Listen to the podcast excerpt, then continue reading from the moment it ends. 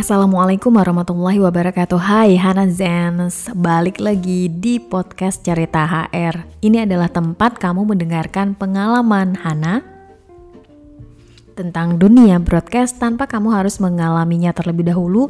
Cukup dengerin podcast Cerita HR Di Abdi Negara part yang kedua Gue pengen cerita dengan nada yang ceria kayak gini karena sebelumnya di part yang pertama gue cerita dengan nada curhat dan sedih kayaknya memang gue tekanan batin banget ya waktu itu.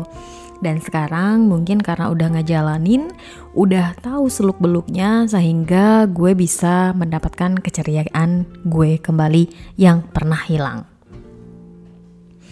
Jadi gue akhirnya mengetahui setelah enam bulan berjalan arah siaran gue itu ke mana. Setelah gue terombang ambing, gue masih dengan kekritisan gue di tempat yang lama dan akhirnya di sini gue harus menjadi anak baik-baik.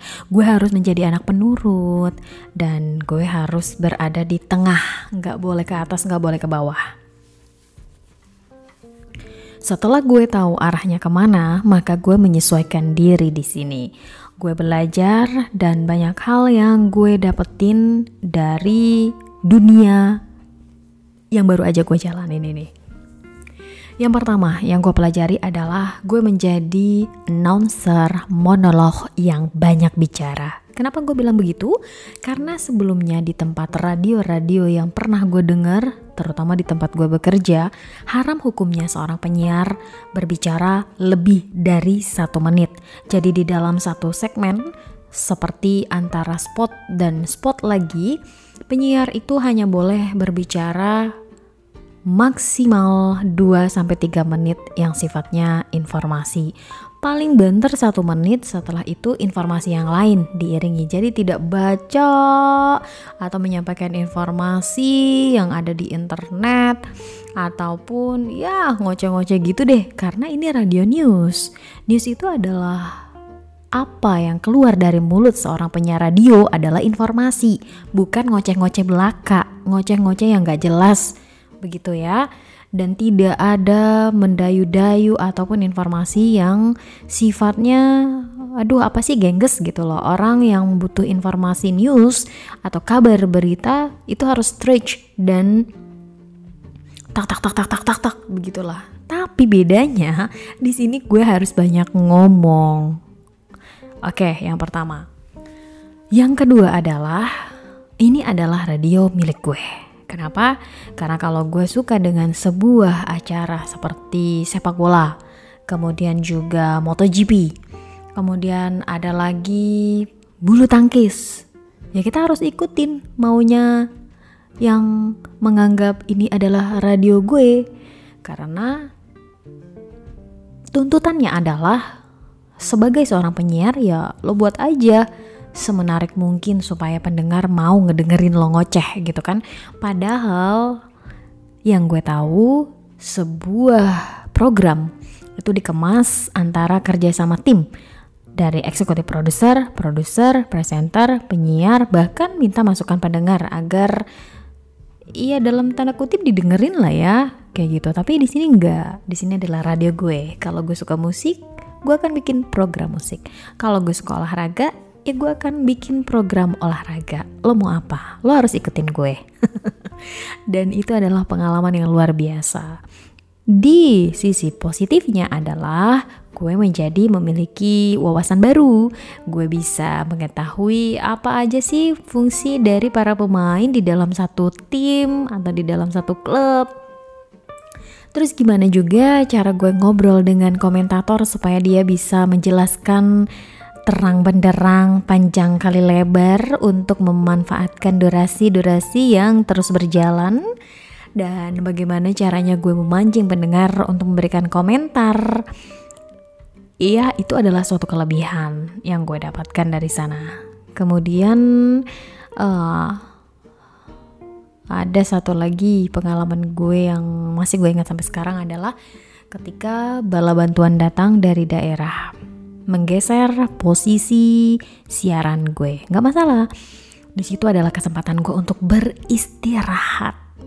Kalau bagi penyiar pada umumnya uh, kompetitif ya pasti ngerasa gila jam siaran gue diambil cuy gitu emangnya nggak bisa apa siaran yang ya udah nutupin aja sayang juga sih kalau misalnya ilmu mereka nggak dipakai sedangkan gue ilmu gue kan terus berkembang terus diperbaharui dan memang udah ada basicnya tinggal dipertajam aja.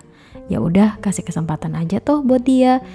Gue siaran yang santai-santai aja. Ya hitung-hitung istirahat lah setelah digeber selama lima bulan ke belakang ya kan? Di bulan ke-6 gue santai-santai dikit bernafas dikit lah. Apalagi bulan November ini kan adalah bulan bahagia gue ya. Milad gue juga ada di sini di bulan November. Jadi mungkin ini adalah hadiah terindah dari Allah subhanahu wa ta'ala untuk gue beristirahat setelah gonjang-ganjing dari awal sampai ke bulan 6 sampai bulan ke-6 maksud gue. Oke. okay itu adalah pengalaman yang sangat berharga buat gue. Mulai dari gue bete, sedih, mental, gonjang-ganjing, lingkungan yang gak bersahabat, aduh bahasanya kacau balau. Yang gue uh, ibaratnya sudah menata sebaik mungkin, berusaha untuk istighfar, kemudian juga berusaha untuk baik lah ya setiap orang itu kan sudah memiliki kadar tobatnya masing-masing. Dan setiap hari itu kan pengen memperbaiki hidup. Kalau misalnya hidupnya dikategorikan udah lumayan baik terus kecebur di satu tempat yang lingkungannya kotor kan otomatis harus membersihkan diri lagi gitu kan tapi ketika gue dicemplungin ke tempat ini, menurut gue sih Allah sedang meletakkan gue untuk melakukan dakwah. Tapi gue sendiri ngerasa gue belum siap. Gue tuh masih memperbaiki diri, tapi Allah tuh udah cemplungin gue ke satu tempat untuk berdakwah. Akibatnya, gue diem dong.